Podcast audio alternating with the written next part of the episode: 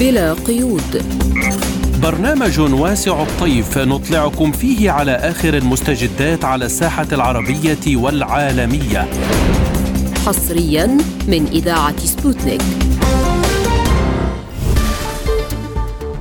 تحية طيبة لكم من سبوتنيك في موسكو وأهلا بكم في حلقة جديدة من برنامج بلا قيود نقدمها لكم اليوم. أنا عماد طفيلي. وأنا نغم كباس والبداية بأبرز العناوين. حلفاء المقاومة الفلسطينية في المنطقة يخططون لتوسيع عملياتهم في الأيام المقبلة. نتنياهو يدعو لإغلاق الحدود بين مصر وقطاع غزة. سويسرا تدعو روسيا وأوكرانيا لبدء المفاوضات. لازلتم تستمعون إلى برنامج بلا قيود. نبدأ بالشأن الفلسطيني إذ صرح الممثل الرسمي لكتائب عز الدين القسام الجناح العسكري لحركة حماس أنه من المقرر أن يقوم حلفاء حركة حماس الفلسطينية بتوسيع نطاق عملياتهم في الشرق الأوسط في الأيام القليلة المقبلة. وأضاف أبو عبيدة قائلا لقد تلقينا معلومات من فصائل المقاومة المختلفة على أنهم يخططون لتوسيع نطاق هجماتهم على مواقع العدو في الأيام المقبلة إذا استمر العدوان على غزة. وألقى أبو عبيده المسؤولية عن الموت المحتمل لإسرائيليين محتجزين في قطاع غزة على عاتق حكومة وجيش إسرائيل وكانت حماس قد أعلنت مرارا وتكرارا عن وفاة بعض الرهائن نتيجة القصف الإسرائيلي على غزة. وللتعليق على هذا الموضوع نستضيف في حلقة اليوم من البرنامج نائب رئيس المجلس الوطني الفلسطيني وعضو المكتب السياسي لجبهة الديمقراطية لتحرير فلسطين علي فيصل. أهلا ومرحبا بك سيد علي فيصل في حلقة اليوم من البرنامج ونسألك يعني حلفاء المقاومة في المنطقة يدعون لتوسيع عملياتهم في الأيام المقبلة. إذا استمر العدوان الإسرائيلي على غزة هل نتحدث عن فتح جبهات جديدة أو تكثيف لهذه الهجمات؟ الحقيقة أن دائرة العدوان الصهيوني والأمريكي هي التي تتسع وتواصل ملياتها بارتكاب المجازر وبحق الشعب الفلسطيني وتواصل الحصار على مختلف المستويات. ولذلك قوى المقاومة الفلسطينية تواجه بصلابة وستوسع من دائرة المجابهة لهذا العدوان بمختلف أساليب القتال سواء كان الدفاعي أو الهجومي أو الصاروخي. وبذات الاتجاه أيضا قوى المقاومة على امتداد المنطقة ستكثف من عملياتها وتوسع من دائرة استهدافاتها لقوى العدوان سواء في جبهة شمال فلسطين كما تحدثت المقاومة عن نفسها بهذا السياق أو سواء في البحر الأحمر على يد أبطال اليمن الذين يواجهون عدوانا أمريكيا بريطانيا مزدوجا دعما لإسرائيل لأن ثوار اليمن قد ناصروا ودعموا مقاومة الشعب الفلسطيني من خلال معادلة الحصار بالحصار. وهذا الحصار سيستمر في ضد البواخر والسفن التي تحمل مواد لدولة إسرائيل ومعظمها مواد عسكرية وأيضا كل السفن التي تتجه نحو العدو الصهيوني. وبذات القدر أيضا تواصل قصف المواقع الإسرائيلية المتاحة. والشعب العراقي أيضا توسع من دائرة استهدافها للمواقع والثقلات الامريكيه وأيضا شعوب المنطقة وأحرار العالم تزيد من دائرة التحرك الضاغط على الولايات المتحدة الأمريكية وعلى الغرب الأوروبي لوقف إطلاق النار ووقف العدوان فك الحصار وإطلاق سراح جميع المعتقلين. الفلسطينيين من السجون الإسرائيلية وانسحاب قوات الاحتلال من المناطق التي توغلت فيها. أعتقد تماما أن الوقت هو لصالح مقاومة الشعب الفلسطيني والمقاومات الداعمة له وأن الجيش الإسرائيلي يمنى بخسائر كبيرة ليس أقل من ألف آلية عسكرية دمرت وليس أقل من 1500 قتيل من جيشه وأكثر من ستة آلاف جريح ويتحدثون عن أربعة آلاف معوق نتيجة هذه الحرب وأيضا عن انسحابات لعدد من الألوية وهذه الألوية ضربت في العديد من مواقعها وشلت قدراتها ولذلك تسحب من أجل أن يعاد ترميمها. أو دفع بعضها إلى مناطق أخرى. وأعتقد أن تسحب من أجل إعادة ترميمها لأنها منيت بخسائر كبيرة. ولذلك العدوان الإسرائيلي لم يحقق أي هدف من أهدافه. لا هو كسر إرادة المقاومة ولا هو صفاها ولا هو هجر أبناء قطاع غزة ولا هو استطاع أن يطلق أسراه من أيدي المقاومة بقوة الحديد. والنار ولا هو أيضا استطاع أن يسكت مواقع المقاومة المناصرة للقضية الفلسطينية لا هو ولا حليفه الأمريكي. لذلك نحن نقول أن الإنجازات تتكرر في الميدان لصالح قوى المقاومة ولصالح الشعب الفلسطيني. ومهما طال الزمن فإن العدوان سيقف سيندحر. والخلافات تنتقل إلى الحكومة الحرب الإسرائيلية وللمجلس الحربي الإسرائيلي وحتى للرأي العام الإسرائيلي وتنتقل أيضا لداخل الإدارة الأمريكية وللحزب الديمقراطي وحتى الرأي العام الأمريكي أصبح واضحا له أن أمريكا شريكة في هذه المجازر وأنها تأخذ من قوت يومه لتدعم العدوان في أوكرانيا وأيضا في فلسطين. نعم يعني أيضا إدارة واشنطن تعتقد أن الوقت قد حان لتخفض إسرائيل من حدة الأعمال العدائية في القطاع.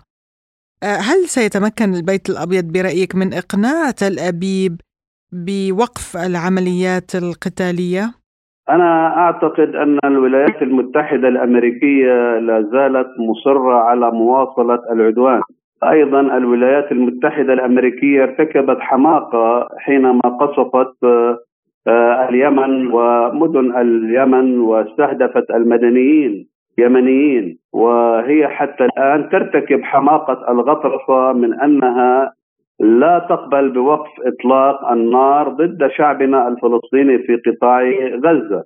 هي تحاول أن تدر الرماد في العيون وأن تمتص نقمة الشعب الأمريكي وشعوب العالم ضدها وتريد أيضا في نفس الوقت أن تدعم قوة إسرائيل بالسلاح وبالمال وبالدعم السياسي والدبلوماسي والحماية الدولية خاصة في ظل فتح المحكمة محكمة العدل الدولية جلسات للنظر في الشكوى التي قدمتها جنوب أفريقيا. والتي تقول بأن إسرائيل ترتكب أفعال إبادة جماعية وبنفس الوقت هي تدعم هذه العمليات العسكرية بل تشارك بها وتشارك حتى في غرف عمليات الجيش الاسرائيلي هي تحاول ما أمكن أن تقول أنه يجب أن يعقلن العدوان الإسرائيلي ويجب أن يكون في في مواقع معينة ولا يستهدف المدنيين كما تقول. وهذا كلام أيضا يعني كذب على الرأي العام العالمي، إذا كانت الولايات المتحدة الأمريكية جادة في خفض منسوب العمليات العسكرية يجب أن توافق في مجلس الأمن على وقف إطلاق النار وتقول لإسرائيل كفى. لكنها ليست في هذا المكان بالذات. فبايدن يخوض معركة مستقبله السياسي في تجديد الولاية الثانية له وأيضا نتنياهو يخوض معركة مستقبله السياسي. ولذلك نحن نقول أن الأكذوبة الأمريكية لن تنطلي على أحد والسبب في ذلك أيضا علينا أن نرى أن إسرائيل منيت بخسائر كبيرة في العتاد وفي الاقتصاد وأيضا على المستوى البشري وعلى مستوى الرأي العام العالمي وهي أيضا في قوس المحكمة اليوم في محكمة العدل الدولية ولذلك أيضا الولايات المتحدة الأمريكية تحاول من جديد أن تصوغ معادلة تضمن قوة إسرائيل وتضمن تقليل الخسائر الإسرائيلية وتضمن عدم الهزيمة الساطعة لاسرائيل. ولذلك نحن بالنسبة لنا كفلسطينيين نعتبر الولايات المتحدة الأمريكية شريكا فعليا في هذه المجازر وهذه المحارق وهذه الأبادة الجماعية التي تستهدف استئصال الشعب الفلسطيني وتصفية وجوده وحقوقه وبالتالي ارتكاب حماقة التطهير العرقي والفصل العنصري وترحيل أبناء الضفة إلى الأردن وأبناء آه، غزة إلى سيناء وهذا المشروع قد فشل فشلا ذريعا بفعل صلابة وتماسك وتمسك الشعب الفلسطيني بأرضه وبجغرافيته وبحقوقه وبوجوده ويدافع بكل الإمكانيات سواء في الضفة أو في غزة أو في المناطق المحتلة عام 48 ومسنودا بمقاومة آه، لبنانية فاعلة وأيضا مقاومة يمنية فاعلة وعراقية وبكل قوى التحرر في منطقتنا وبشعوب أمتنا العربية وأحرار العالم وبالتوازنات الدولية خاصة دور روسيا والصين الذي يتقدم في هذه المنطقة وعلى مستوى العالم وهو أيضا آه، آه، في ذات القدر يضغط من أجل وقف إطلاق النار وإليك أيضا دعم دول أمريكا اللاتينية والجمهورية الإسلامية في إيران آه، يقفون صفا واحدا إلى جانب الشعب الفلسطيني ولذلك نحن نقول أن أمريكا وإسرائيل إلى الهزيمة المحتمة. حسب وسائل الإعلام الأمريكية يتزايد استياء الرئيس الأمريكي جو بايدن ومساعديه ناجم عن رفض رئيس الوزراء الإسرائيلي نتنياهو اتباع توصيات أمريكا بشأن الوضع في غزة. هل يشير هذا الوضع برمته إلى أن نتنياهو يريد اتباع سياسة مستقلة عن البيت الأبيض؟ أنا لا أعتقد أن الخلاف استراتيجي وخلاف تكتيكي قد يحصل بين فترة وأخرى الولايات المتحدة الأمريكية لا تريد أن يتسع إطار المجابهة في منطقة الشرق الأوسط تخشى على مصالحها رغم أنها وجهت ضربات للشعب اليمني ومقاومته وبالاتجاه بايدن يريد آه، آه، أن آه، يرأب الصدع بين نتنياهو وحلفائه وأن يعزز من التماسك الداخلي للمجلس الحربي ولحكومة الاحتلال الإسرائيلي ويدعم إسرائيل بالسلاح وبالمال وهذا هو قد يكون جوهر الخلاف التكتيكي وليس استراتيجي في هذا هم يخوضون معركة موحدة وبالتالي يريدون موقف إسرائيلي موحد في الحكومة أو في المجلس الحربي حتى ينفذوا الأهداف التي آه، تضمن آه، دور آه، أمريكي متقدم وتضمن قيام شرق أوسط جديد بأمريكي إسرائيلي مع المطبعين. وهذا ما لن ينجح. لا في حرب تموز ولا في آه، عدوان 2014 على غزة ولا في معركة سيف القدس ولا في هذه آه، المعركة. غزة الآن ترسم معالم النظام العالم آه، النظام في الشرق الأوسط وبالتالي هي التي تصوغ برغم مساحتها الضيقة تصوغ تاريخ جديد مسار جديد للمنطقة بالتعاون مع قوى المقاومة وقوى الصمود وأيضا ستشكل إسهاما في بناء نظام عالمي متعدد الأقطاب وهذا ما تخشاه الولايات المتحدة الأمريكية وإسرائيل. نعم أيضا إسرائيل قالت إن وجود سلطة فلسطينية قوية يصب في مصلحة الأمن. هل هذا يعني أن السلطات الإسرائيلية تريد التدخل في العملية السياسية الداخلية للسلطة الوطنية الفلسطينية؟ إسرائيل والولايات المتحدة الأمريكية يريدون سلطة طيعة وليست قوية. سلطة تنفذ مآربهم وهذا ما لا يمكن أن يسمح به. إسرائيل والولايات المتحدة الأمريكية تريد إدارة محلية إسرائيلية في الضفة أو في قطاع غزة. وتريد انتدابا عربيا ودوليا أو وصاية عربية ودوليه هكذا يتحدثون في ويقولون أننا نخطط لليوم التالي بعد غزة وكأنهم قد حسموا هذه المعركة وصفوا المقاومة ومسحوا غزة وطردوا أهلها وكسروا إرادة الشعب الفلسطيني بينما هو العكس القائم الشعب الفلسطيني هو الذي يقرر مصيره بيده وتقرير مصير غزة والضفة الفلسطينية هو شأن فلسطيني داخلي وبإرادة فلسطينية موحدة وبذات الاتجاه نحن في الجبهة الديمقراطية لتحرير فلسطين. ندعو إلى لقاء عاجل للأمناء العامين لكي آه، نضع استراتيجية موحدة ونشكل قيادة يشارك بها الجميع دون استثناء في إطار منظمة التحرير الفلسطينية. وتطبيق قرارات المجلسين الوطني والمركزي بفك العلاقة بكل الاتفاقات بما فيها اتفاق أوسلو وسحب الاعتراف من دولة إسرائيل ومقاطعتها اقتصاديا ودعم محا... دعوة جنوب أفريقيا لمحاكمة إسرائيل على جرائم الحرب التي ارتكبتها. نحن نتحدث ونقول ماذا في اليوم التالي بعد هزيمة نتنياهو وهزيمة بايدن في في وغرقهم في رمال غزة وتحويل غزة إلى مقبرة لجيش الاحتلال. وبالتالي ماذا في اليوم الثاني لبعد لانتهاء الاحتلال؟ هو المسار السياسي نحو دولة فلسطينية مستقلة بعاصمه القدس وعودة اللاجئين إلى ديارهم، لن نقبل بأي وصايا لا عربية ولا دولية ولن نقبل ببقاء الاحتلال ولا بإدارة آه، آه، إسرائيلية بل نحن نريد أن آه، تكون هناك إطار فلسطيني جامع يضم الجميع باستراتيجية موحدة آه، وبإطار منظمة التحرير الفلسطينية الممثل الشرعي والوحيد لشعب فلسطين. ولذلك لن نقبل بأي بديل عنها وبالتالي نحن نسعى إلى هذه الوحدة الوطنية التي تجمع الجميع في إطار معركة واحدة في إطار إنهاء هذا الاحتلال وهذه المجازر والمحارق الأمريكية والإسرائيلية. نائب رئيس المجلس الوطني الفلسطيني وعضو المكتب السياسي للجبهة الديمقراطية لتحرير فلسطين علي فيصل شكرا جزيلا لك على هذه المداخلة. لازلتم تستمعون إلى برنامج بلا قيود.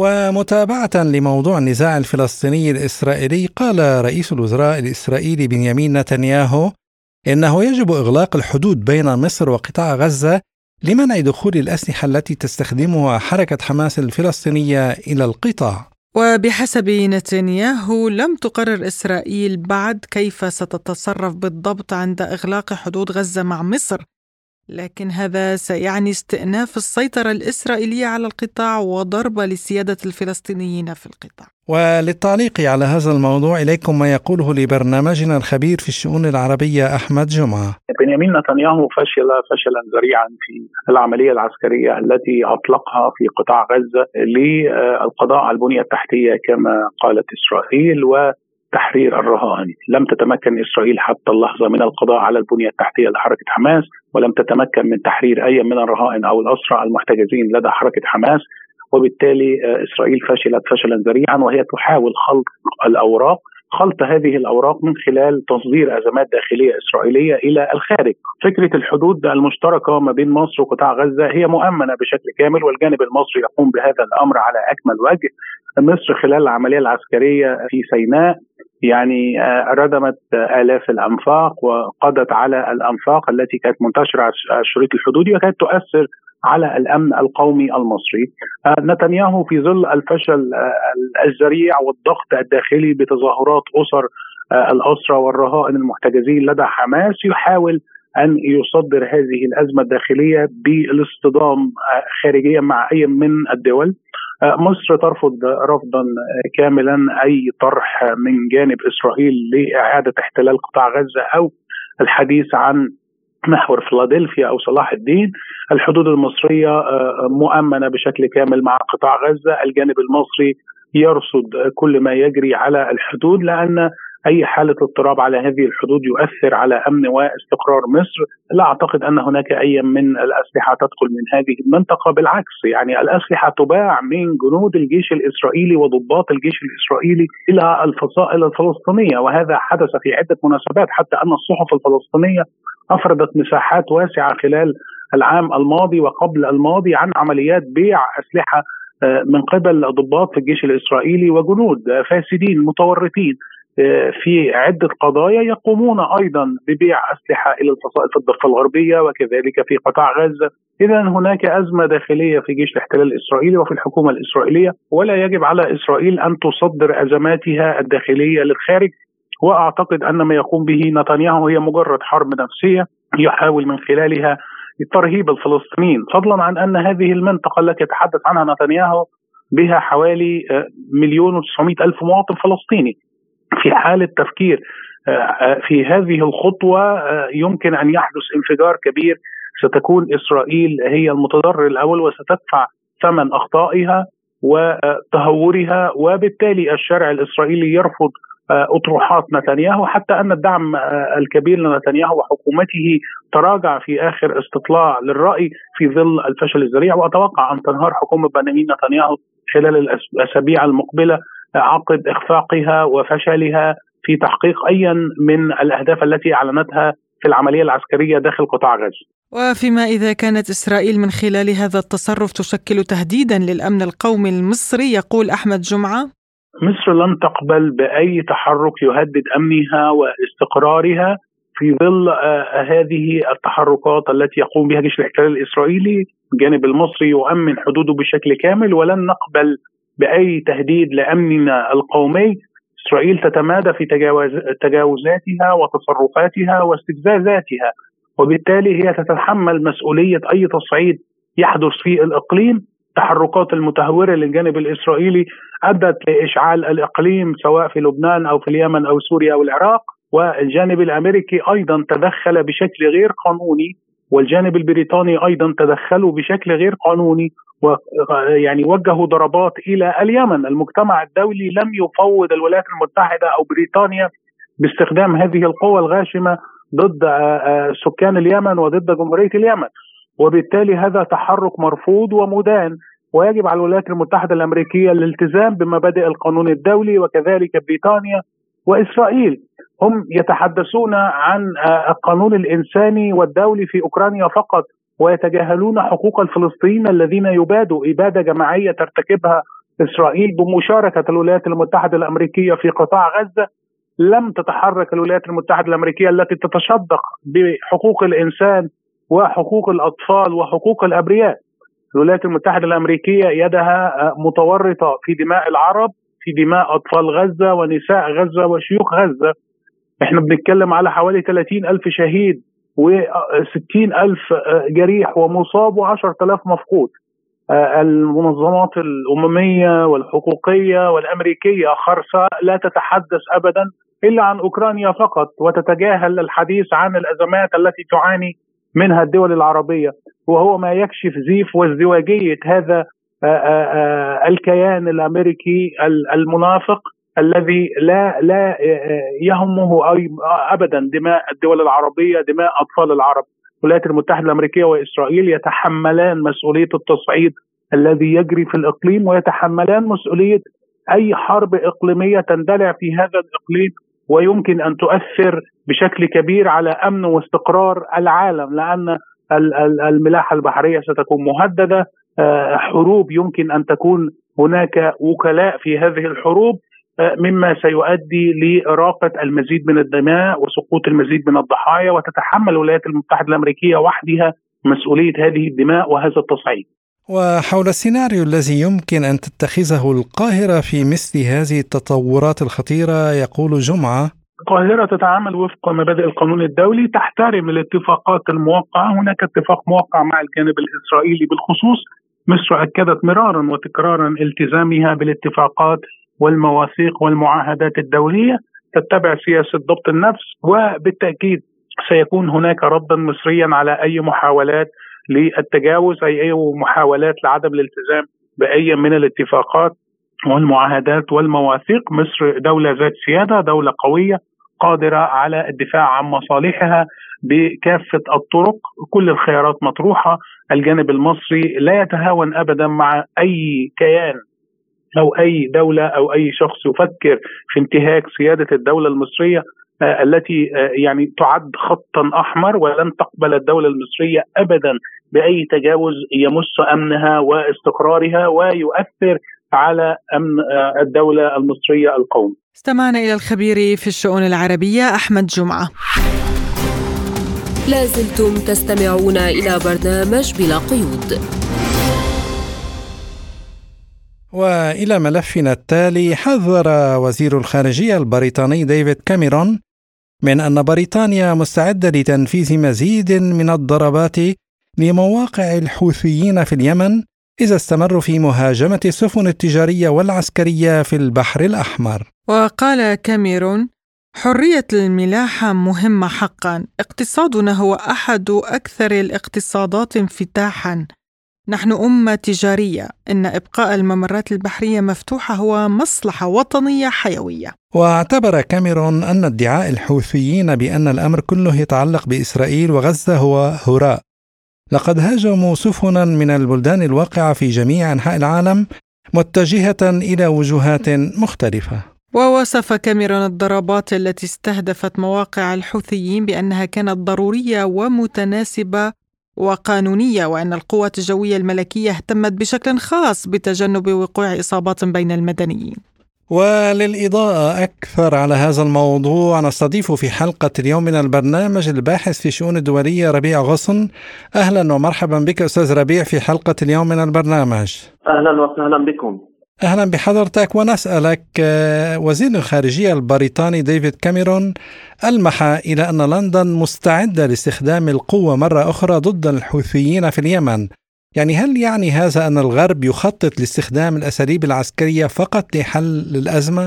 من الواقع الدولي وضمن التوازنات الدولية الجديدة لا يجد الغرب سوى التدخل العسكري لحل مشاكله الاستراتيجية. وكذا ذلك كالوضع الاقتصادي الذي يعاني منه الغرب وخصوصا دول الاتحاد الأوروبي بالإضافة إلى بريطانيا. فهي حتى الآن آه، يعني تتعامل آه، في هذا وكأنها ملحق بالسياسة الخارجية للولايات المتحدة الأمريكية، وبالتالي لا تملك أوروبا وبريطانيا أي أفق آه، تجاه دبلوماسيتها في حل هذه المشاكل، والواقع في منطقة غرب آسيا وما تسميه الولايات المتحدة الأمريكية الشرق الأوسط هو واقع معقد. وبالتالي إذا كان هناك اتجاها اوروبيا للدبلوماسية مع الحوثيين في اليمن آه، ينبغي آه، على الدول الغربية ربط هذا النزاع بالنزاع الفلسطيني في مع الكيان إسرائيل في هذه المسألة. وبالتالي لا أعتقد أن للولايات المتحدة الأمريكية ولبريطانيا وأوروبا عموما آه، أي آه، حظوظ باستعمال دبلوماسيتها لفشل هذه الدبلوماسية في تجارب التجربة الدبلوماسية مع الاتحاد الروسي فيما خص استعمال أوكرانيا لاستنزاف روسيا وفيما خص تايوان جزيرة تايوان الصينية التي نرى يوما بعد يوم أن هناك اتجاها لفشل الدبلوماسية الغربية في حل هذه العقده أيضا. طيب يعني آه، أستاذ ربيع هي بداية هددت اليمن قبل أن تقوم بقصف، هل هي إشارة بأنهم جديون بتهديد دول أخرى وانتهاك سيادة دول أخرى طبيعة العمل الغربي تجاه الدول آه، الناشئة في هذا العالم ضمن الوقائع التي آه، خرجت بعد انهيار الاتحاد السوفيتي لا يجد القوة في إخضاع آه، هذه الشعوب. وبالتالي ليس من المستغرب أن الغرب عموما والولايات المتحدة الأمريكية خصوصا تتجه في إخضاع الشعوب بواسطة القوة أو بواسطة الحصار الاقتصادي إذا كان هذا الحصار مؤثرا جديا آه، فيما خص المقومات الداخلية لأي شعب مستهدف. أما فيما خص اليمن أعتقد أن ضرورة آه، إلحاق الاستراتيجية الأمريكية في إخضاع آه، منطقة البحار. إذا ما أشرنا إلى بحر العرب، خليج عدن، البحر الأحمر وممر باب, باب المندب الاستراتيجي لحيثيتها الاستراتيجية السياسية. لا تنتجد الولايات المتحدة الأمريكية وبريطانيا وأوروبا عموما سوى القوة في إخضاع حركة أنصار الله لأن حركة أنصار الله أمست اليوم عنصرا استراتيجيا في المعركة مع محور آه، المقاومة في منطقة غرب آسيا وبالتالي هذا العامل هو مؤثر جدي وفعال في كل مستقبل سياسات عموما والولايات المتحدة الأمريكية خصوصا. أستاذ ربيع يعني فيما يخص الموقف الأوروبي أيضا وزيرة الخارجية الألمانية قالت إن دول الاتحاد الأوروبي تتفاوض بنشاط لبدء مبكر لعملية بحرية في البحر الأحمر لحماية الشحن من هجمات الحوثيين. يعني وهناك أيضا تصريح لرئيس الوزراء الإسباني في هذا الاتجاه لكن ما هي عواقب التدخل الكامل للاتحاد الأوروبي في شؤون المنطقة؟ أعتقد أن أي تدخل أوروبي تحت المظلة الأمريكية في منطقة البحر الأحمر خصوصا سوف يكون لها عواقب شديدة التأثير السلبي على الاقتصاديات الغربية آه، عموما وأوروبا خصوصا. وبالتالي أي تدخل عسكري أوروبي في منطقة البحر الأحمر اولا سيكون آه، نتيجته الفشل الذريع لأن الولايات المتحدة الأمريكية تخوض منذ ثمانية أعوام ولو كان بالوكالة آه، ولم يتأثر الشعب اليمني في ظل هذا العدوان. قيد أنملة بل آه، كان هناك تطورا استراتيجيا وعسكريا لحركة أنصار الله على حساب باقي آه، الجوار العربي. من ناحية أخرى أعتقد أن أي تدخل أوروبي في هذا الصدد سوف يكون أو تتأثر فيه المنطقة. خصوصا آه، العراق سوريا لبنان وسوف يكون هناك ردود فعل قاسية على هذا التدخل. آه، بالإضافة إلى مسألة مهمة أن البحر الأحمر اليوم هو طريق مقطوع على الكيان وليس مقطوع على أوروبا. آه، لكن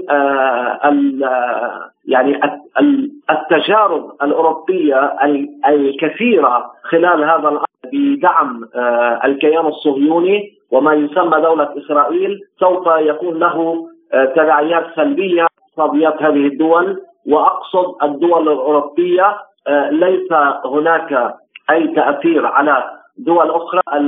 السفن الروسية تمر بسلام آمن من البحر الأحمر.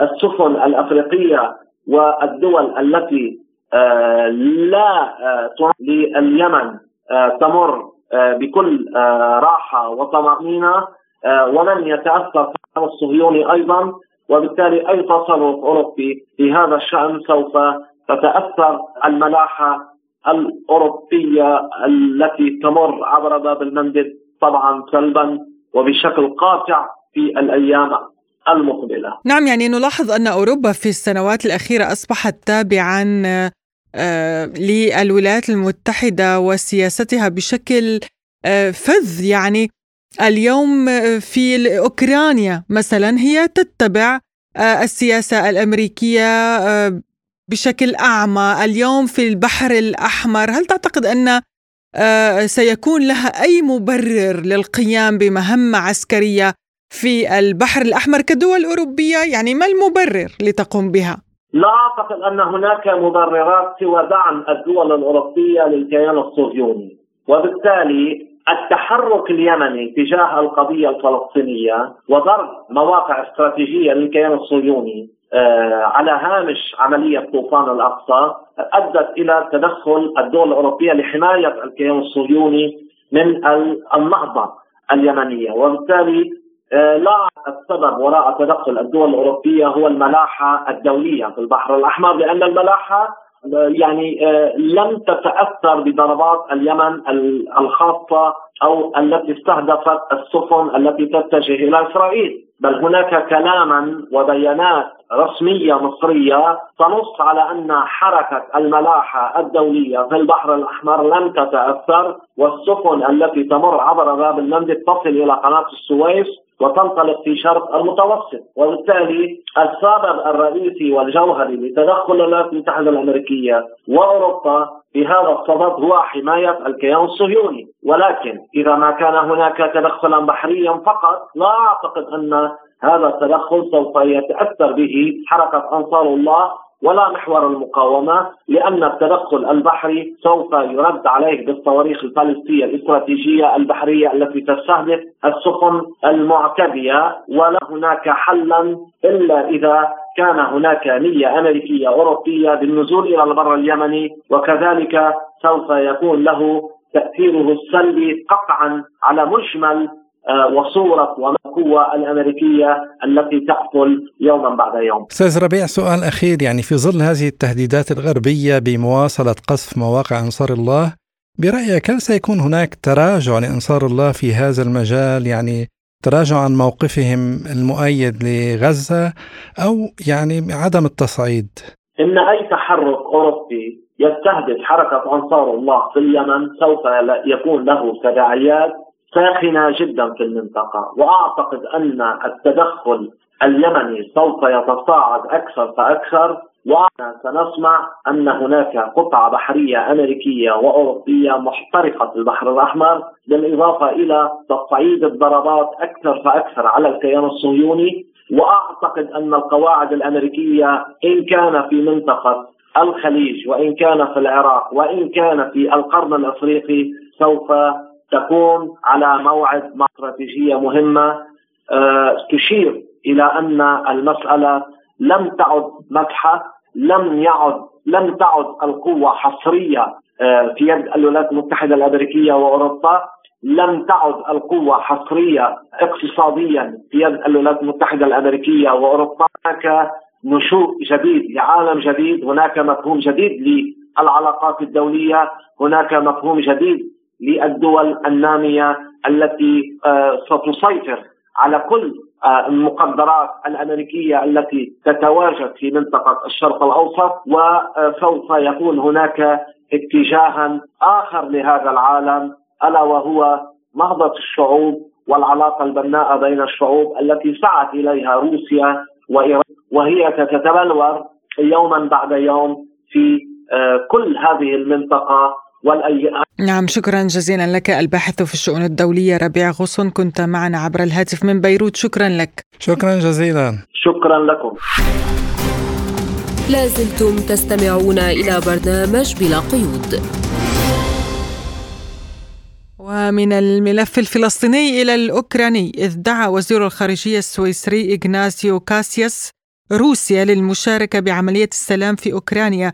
مشددا على أنه بطريقة أو بأخرى يجب أن نجد وسيلة لإشراك روسيا في هذه العملية ولن يكون هناك سلام إذا لم يكن لروسيا كلمتها وأشار الوزير إلى أنه يشارك ممثلو 83 دولة في مناقشة صيغة السلام الأوكرانية المنعقدة في دافوس وأن الصين لن تشارك ولكن الهند والبرازيل والمملكة العربية السعودية وهي أيضا أعضاء في بريكس حاضرة. للحديث حول هذا الموضوع ينضم إلينا عبر الهاتف أستاذ العلوم السياسية في جامعة باريس الدكتور عماد الدين الحمروني أهلا بك دكتور عبر إذاعة سبوتنيك ونبدأ من هذا الإعلان لوزارة الخارجية السويسرية بدعوة روسيا إلى المفاوضات مع أوكرانيا ما سبب التغير في خطاب السياسيين الأوروبيين تجاه موسكو برأيك؟ هل تتوقع مفاوضات سلام في المستقبل القريب؟ في الحقيقة هذا التحول الكبير في الموقف الغربي عموما والأمريكي خاصة لأنه الذي يدير الحرب هي الولايات المتحدة الأمريكية. ومعروف أن سويسرا آه هذه الدولة المحايدة سياسيا بالمنطق السياسي آه هي تمثل آه المصالح الأمريكية في مناطق الصراع والدول التي يعني هناك توترات مع الولايات المتحدة الأمريكية. فالدعوة السويسرية آه، ظاهرها أوروبي ولكن حقيقتها أمريكية وهذا يدل على التطور آه، على المستوى العسكري الميداني آه، وأن المعطيات الميدانية العسكرية تظهر بأن الجيش الأوكراني والقوات الأوكرانية لم تستطيع أن تحقق أي تقدم أو تطور على مستوى الجبهة العسكرية. ثانيا تأثر الجبهة السياسية الداخلية في أوكرانيا. لم يعد هناك إجماع أوكراني على مستوى مواصلة القتال مع آه، روسيا. ثالثا صمود وتطور الاقتصاد الروسي وبداية ظهور آه، آه، مركز وأهمية مجموعة البريكس. وكل هذه المعطيات إذا أضفنا إليها ما يقع في الإقليم بغرب آسيا وخاصة في شرق البحر المتوسط وما يقع في إسرائيل وغزة نرى أن الموقف الأوروبي والموقف الأمريكي الذي أيضا يمر بضغوط داخلية سياسية على مستوى الاستعداد للانتخابات الرئاسية. هذه التطورات في إجمالها أدت إلى طلب أمريكي في الحقيقة من سويسرا بأن تكون الوسيط الذي يسعى لإيجاد مفاوضات آه، سياسية بين روسيا الاتحادية وأوكرانيا وبين روسيا والاتحاد الأوروبي حقيقة قالت كييف إنها تعد اتفاقيات أمنية مع الولايات المتحدة وبعض الدول الأخرى؟ يعني ما شكل هذه الاتفاقيات برأيك؟ هل ستكون بداية سيطرة الغرب على أوكرانيا بشكل كامل؟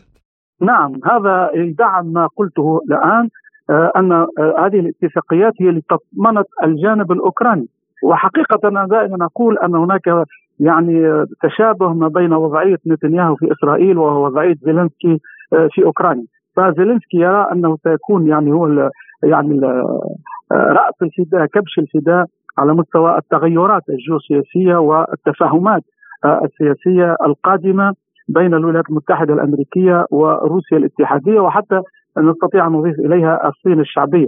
فهذه التطورات يعني الجانب الأوكراني في حاجة إلى تطمينات أمنية لأن آه، أوكرانيا خدعتها أمريكا وخدعتها بريطانيا بالأخص آه، بمستوى التوجه نحو تحرير الأراضي الأوكرانية بين قوسين ويعني آه، الدخول والوصول إلى الأراضي الروسية. ولكن ما وقع هو العكس. يعني التهديدات الأمنية الآن أصبحت أكثر واقعية على المستوى الأوكراني في الداخل الأوكراني والضعف السياسي الذي عليه زيلنسكي وجماعته.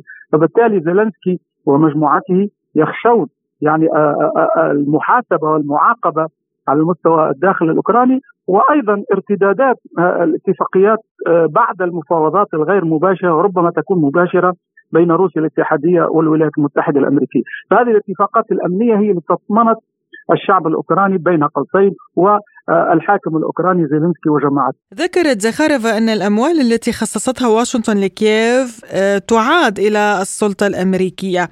هل يمكن القول أن الأزمة الأوكرانية أيضا كأزمات الشرق الأوسط بالنسبة للأمريكيين هي مشاريع تجارية؟ بالتأكيد بالتأكيد ونحن نرى ما يقع في البحر الأحمر وضرب اليمن وقصف اليمن. هذا دليل أن الإمبراطورية الأنجلوساكسونية دعيني أقول أننا نعيش في هذه الإمبراطورية منذ أكثر من قرن ونصف وهي ركيزة من ركائز الإمبراطورية الأنجلوساكسونية هي التجارة الدولية وهي يعني بمنطق التاجر وبمنطق يعني المحافظة على كيانه المالي وكيانه التجاري. فبالتالي كل المصالح للإمبراطورية الأنجلوساكسونية هي مصالح تجارية ومالية. فالحروب هي جزء يعني من حركة الاقتصاد والمال في العقل الأنجلو ساكسوني فهم يديرون هذه الحروب من أجل مصالح تجارية واقتصادية ومالية. وبالتالي الأولويات تغيرت. يعني الآن الأولوية هي في المحيط الهادي وشرق البحر الأبيض المتوسط. ونرى يعني التحولات حتى في التمركز في قطاعات الحربية العسكرية الأمريكية أصبحت تتوجه إلى المحيط الهادي وإلى شرق البحر الأبيض المتوسط ومحاصرة يعني والعودة يعني إلى التمركز من جديد وقوات جديدة ربما تصل إلى سوريا أو إلى العراق قوات أمريكية قطع حربية ربما بريطانية تتوجه يعني تحت تعلة يعني مواجهة الحوثيين ولكن هو كموقع جديد للقوات الانجلوساكسونيه وهذا يدل أن الأولويات لم تعد أولويات أوكرانية في العقلية الأمريكية أو حتى البريطانية. يعتقد زعيم حزب الوطنيين الفرنسي فلوريان فيليبو أنه يجب تدمير حلف شمال الأطلسي بسبب رغبته في إشعال حرب عالمية ثالثة. يعني هل تتوقع تفكيك الناتو؟ هل هذا أمر ممكن برأيك؟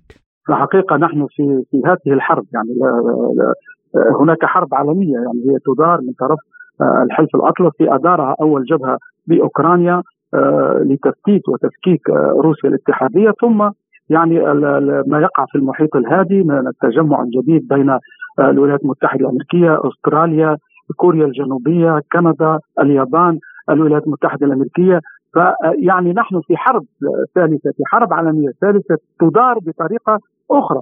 وبالتالي تفكيك الحلف الأطلسي سيكون عن طريق الفشل العسكري في إدارة هذه الحروب والفشل السياسي الأمريكي الداخلي، نحن أمام يعني معضلة كبيرة جدا وهي الانتخابات الرئاسية الأمريكية، نرى أن انشقاق حاد داخل المجتمع الأمريكي ربما هذا الانشقاق يهدد بالسلم الأهلي الأمريكي فأي ضعف في الداخل الأمريكي بالتأكيد سيضعف وجود الحلف الأطلسي. وسائل إعلام المانيه أفادت أن برلين تستعد لحرب بين الناتو وروسيا.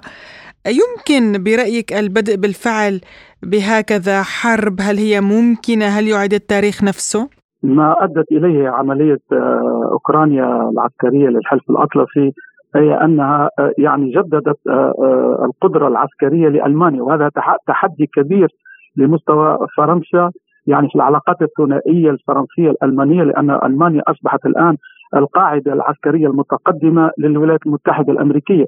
وهناك داخل يعني الفكر السياسي الألماني فكر يعني نازي ينتمي إلى العقلية الأطلسية ويحاول يعني أن يبني قدراته العسكرية على مستوى يعني التخيل بالمواجهة مع روسيا الاتحادية، يصنع عدو اسمه روسيا الاتحادية، نحن نعلم أن هناك سياسيين وهناك جزء كبير من الشعب الألماني يريد آه، التشابك مع روسيا وليس الاشتباك مع روسيا، وبالتالي هناك صراع داخل المجتمع الألماني حول العلاقة مع روسيا، لأن العلاقة بين ألمانيا وروسيا وفرنسا وروسيا هي علاقة تغير وجه التاريخ الأوروبي، فأما أن تشتبك يعني هناك تشابك مصالح أو أن هناك اشتباك.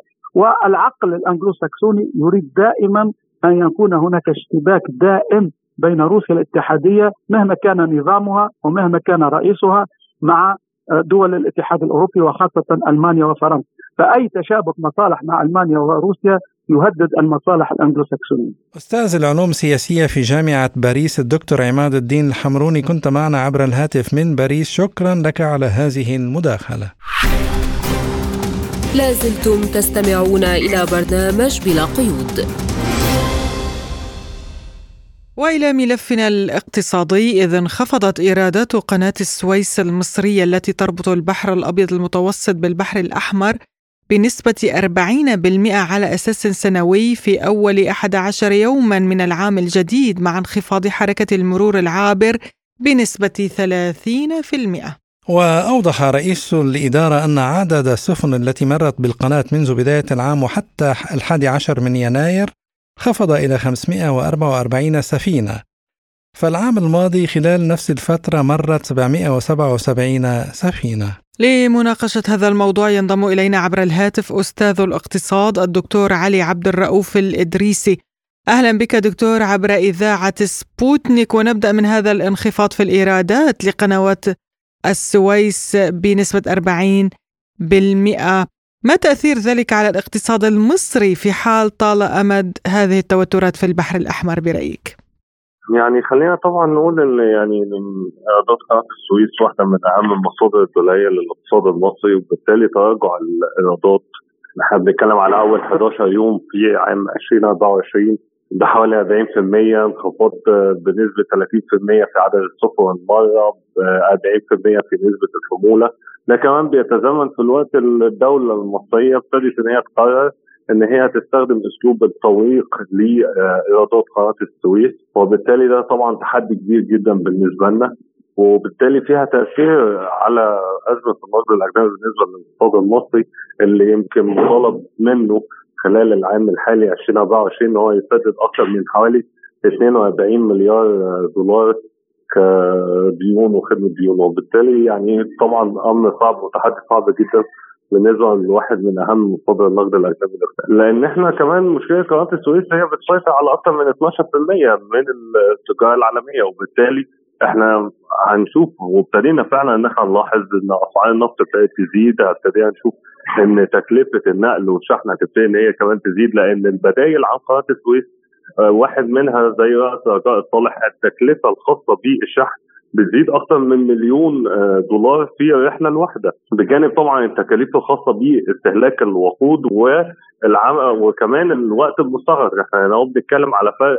حوالي 15 يوم تقريبا من 10 ل 15 يوم زيادة في زمن الرحلة. وبالتالي ده كله هينعكس على ارتفاع في أسعار التكلفة النهائية للمنتجات وبالتالي طبعا هيكون لها تأثير مباشر على معدلات التضخم مش في مصر بس ولكن على مستوى العالم كله. دكتور علي هل من ممر بديل برأيك؟ يعني كل البدائل طبعا لن تعوض وجود قناة السويس لا من حيث التكلفة ولا من حيث فترة المرور وزمن المرور بالنسبة للسفن والحاويات أكيد كلها بدائل متاحة سواء كان رأس رجاء الصالح أو حتى بحر الشمال أو غيرها من هذه البدائل لكن للأسف الشديد كمان مع وجود آه، يعني فصل الشتاء ونزول السلوك في بعض من هذه الممرات ده بيصعب بشكل واضح جدا من إنه يكون بديل جيد عن قناة السويس. وبالتالي الصعوبة بتظهر في التأثيرات المباشرة على الاقتصاد العالمي من التداعيات الخاصة بالبحر الأحمر والصراع في منطقة البحر الأحمر. فمن هنا حتى البدائل مطروحه زي ما إحنا اتكلمنا على رأس رجاء الصالح أكيد لن يكون مجدي بشكل كامل لقناة السويس من حيث التكلفة ومن حيث الوقت. أيضا دكتور قطر علقت شحنات الغاز عبر البحر الأحمر إلى أوروبا. ما تأثير ذلك على أوروبا المحرومة أصلا من الطاقة الروسية؟ طبعا إحنا شفنا الغاز ابتدى إن هو يرتفع بأكثر من حوالي 3% مع بداية التداعيات وارد جدا الأيام الجاية هيشهد ارتفاعات أكبر من كده هتبتدي أوروبا إن هي تحاول تبحث عن بدائل آه، أخرى. ولكن طبعا من حيث الموقع الجغرافي كانت قطر طبعا هي ودول أخرى زي مصر وزي الجزائر كانت يمكن هي بالنسبة لها مصادر مهمة لتوفير الغاز الطبيعي. لكن يعني أكيد الوضع بيتصعب بالأخص إن إحنا كمان في فصل الشتاء وده فصل بيتمتع باستهلاك أكبر من الطاقة من جانب أوروبا. وبالتالي طبعا تحديات كبيرة جدا بالنسبة للسعر وهيأثر طبعا على معدلات التضخم في القاره الأوروبية اللي لسه لم تتعافى بشكل كامل من الارتفاعات السابقة آه، في معدلات التضخم واللي ما زالت مستمرة منذ بداية الأزمة الروسية الأوكرانية. دكتور علي ما تأثير هذا التوتر على الاقتصاد الإسرائيلي أيضا خاصة يعني بعد توقف الشحنات من كبريات الشركات؟ الاقتصاد الإسرائيلي طبعا يعني امامه تحديات كبيرة جدا جزء منها مرتبط بوجود نظرة سلبية في التصنيف الائتماني الاسرائيلي نتحدث كمان عن آه، آه، مشاكل خاصة بهروب عديد من الاستثمارات الأجنبية والعلامات التجارية. هناك تراجع في أسهم عديد من الشركات الإسرائيلية. تحديات وكمان مع توقعات كثير من المؤسسات إن الأزمة سوف تستمر لسنوات ولكن الكل يعلم إن الاقتصاد الإسرائيلي بيلاقي دعم كامل من جانب الولايات المتحدة الأمريكية وده دعم معلن للعالم كله وبالتالي دوت اللي بيساعد الاقتصاد الإسرائيلي إن هو يستمر في آه، عدوانه على آه، الأراضي الفلسطينية. أستاذ الاقتصاد الدكتور علي عبد الرؤوف الإدريسي كنت معنا من القاهرة شكرا جزيلا لك. لازلتم تستمعون إلى برنامج بلا قيود. وإلى موضوعنا الأخير كشفت بيانات سبوتنيك أنه في نوفمبر تشرين الثاني الماضي أصبحت روسيا المصدر الرئيسي لليورانيوم إلى الولايات المتحدة للمرة الأولى منذ أيار مايو الماضي. ووفقا لهيئة الإحصاء الأمريكية اشترت الولايات المتحدة في شهر نوفمبر تشرين الثاني وقود اليورانيوم من أربع دول فقط هي روسيا وبريطانيا واليابان وبلجيكا بمبلغ إجمالي يقارب 191 مليون دولار.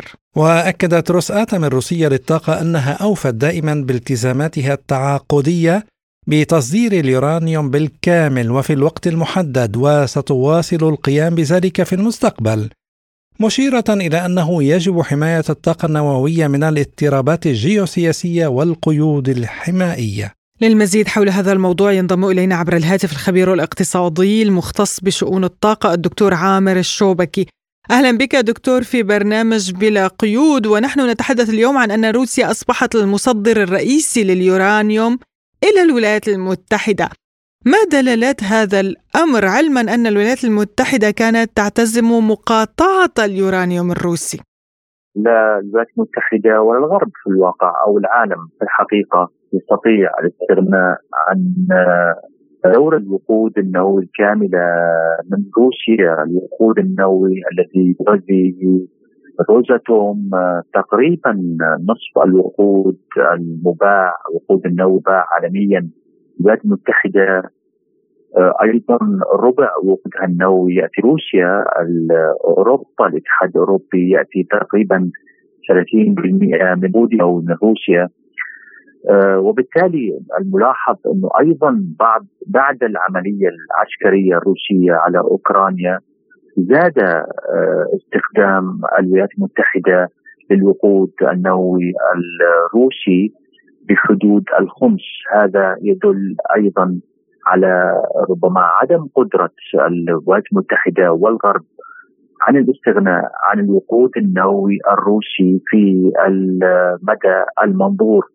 هنالك خطط غربية لذلك إلا أنها قد تحتاج إلى وقت أكبر قد يمتد إلى عشر سنوات للحصول على بنية تحتية غربية تستطيع إنتاج وقود نووي يكفيها بعيدا عن الطاقة النووية الروسية. أيضا الولايات المتحدة استأنفت استيراد النفط الروسي الأسبوع الماضي، هل هذا يعني أن العقوبات لم يعد لها أي تأثير على الاقتصاد الروسي؟ في الواقع أن موضوع النفط الروسي والعقوبات سواء من الاتحاد الأوروبي الولايات المتحدة أو حتى السقوف السعريه التي فرضت استطاعت روسيا تخطي هذه العقبات بشكل مذهل يذهل في الواقع واضعي السياسة الغربية. الآن آه، نتكلم عن زيادة الروسي هنالك وصول للنفط الروسي للعملاء. سواء شرقا أو غربا وأيضا السقوف السعريه لسعر النفط الروسي الآن آه نلاحظ أنها سياسة لم آه يعني يؤخذ بها في الأسواق العالمية وفي الواقع فشلت غربيا. الآن نتحدث عن أيضا حاجة الغرب للنفط الروسي وهو يصل منذ اللحظات الأولى من العقوبات إما عن طريق وسطاء أو شركاء أو طرف ثالث إلى الجهات الغربية سواء بوضعه الخام أو في واقعه المكرر كمنتجات نفطية فهذا لم ينقطع في الواقع عن الولايات المتحدة أو الغرب وصول النفط الروسي بطرف ثالث أو عريق وسطاء. يعني دكتور أيضا شهدنا ارتفاعا بأسعار اليورانيوم غير مسبوق في سبتمبر الماضي. كيف ستؤثر عودة التصدير للولايات المتحدة على الأسعار؟ نعم الآن نتكلم عن مرحلة جديدة من صعود صناعة الصناعة النووية في العالم بشكل كامل ربما عودة التصدير لليورانيوم المخصب بالولايات المتحدة يهدئ من الأسعار العالمية وعنها لأنه مع انشاء فاعلات نووية في الكثير من المناطق في العالم في أوروبا في آسيا وأيضا الخطط التي أقرتها مؤتمرات المناخ مؤتمر مناخ في في الامارات أيضا انشاء مفاعلات نووية للوصول إلى صحة كربونية وأيضا للمساعدة لحد من آه، الاحترار الأرضي. هذا كل المشاريع آه، يعني تذهب في اتجاه تركيز الصناعة النووية في العالم وزيادة الأسعار وهذا يعني بعدا آخر للصناعة النووية الروسية بعدا جيوسياسيا جيوسياسية لروسيا إضافية الأسواق العالمية عندها طبعا الأرباح التي تجنيها الشركات الروسية وعلى رأسها روساتوم ذكرت حضرتك توجه الدول إلى بناء مفاعلات نووية وبالفعل لاحظنا ذلك في عدد من الدول العربية وهناك منافسة قوية بين الأمريكي والروسي في المنطقة العربية. يعني هل تعتقد أن الغلبة ستكون لليورانيوم الروسي؟ نعم أعتقد ذلك. آه في مشروع طبعا في مصر هو مشروع روسي بالكامل. في المغرب هنالك مشاريع مفاعلات نوويه في السعودية أعتقد أيضا سيكون هنالك مشاركة للصين وروسيا في هذا في هذه المشاريع في السعودية، في الإمارات كانت شركات كورية. أعتقد في الأردن أيضا هنالك مباحثات ما بين الأردن وروسيا لبناء آه، مفاعلات نووية، في المفاعلات النوويه الروسيه في التقنيات الحديثة والجيل الجديد الرابع آه، ربما تكون أقرب لاستخدامات الدول النامية لأنها مفاعلات يعني صغيره بتجربه قليله من الشركات الروسية واستدامة أكبر بطاقة قد تكون تلبي الحاجات المالية. أعتقد بأن روسيا ستحافظ وربما ترفع من فرصتها من السوق العالمية مع المفاعلات الجديدة هذا الأمر سيعمق آه، أيضا التأثير الروسي على الطاقة النووية في العالم وخاصة في العالم العربي. الخبير الاقتصادي المختص بشؤون الطاقة الدكتور عامر الشوبكي شكرا لك على هذه المداخلة. بملف الطاقة النووية واليورانيوم نختم حلقة اليوم من بلا قيود. قدمناها لكم من استديوهات سبوتنيك في موسكو. أنا نغم كباس. وأنا عماد طفيلي نتمنى لكم الأمن والسلام والازدهار وشكرا لإصغائكم وإلى اللقاء. للمزيد من متابعة سبوتنيك لا تنسوا زيارة الموقع الإلكتروني سبوتنيك Arabic dot AE وأيضا الاشتراك بقناتنا على تليجرام سبوتنيك عربي. استمعوا إلى راديو سبوتنيك. إلى اللقاء.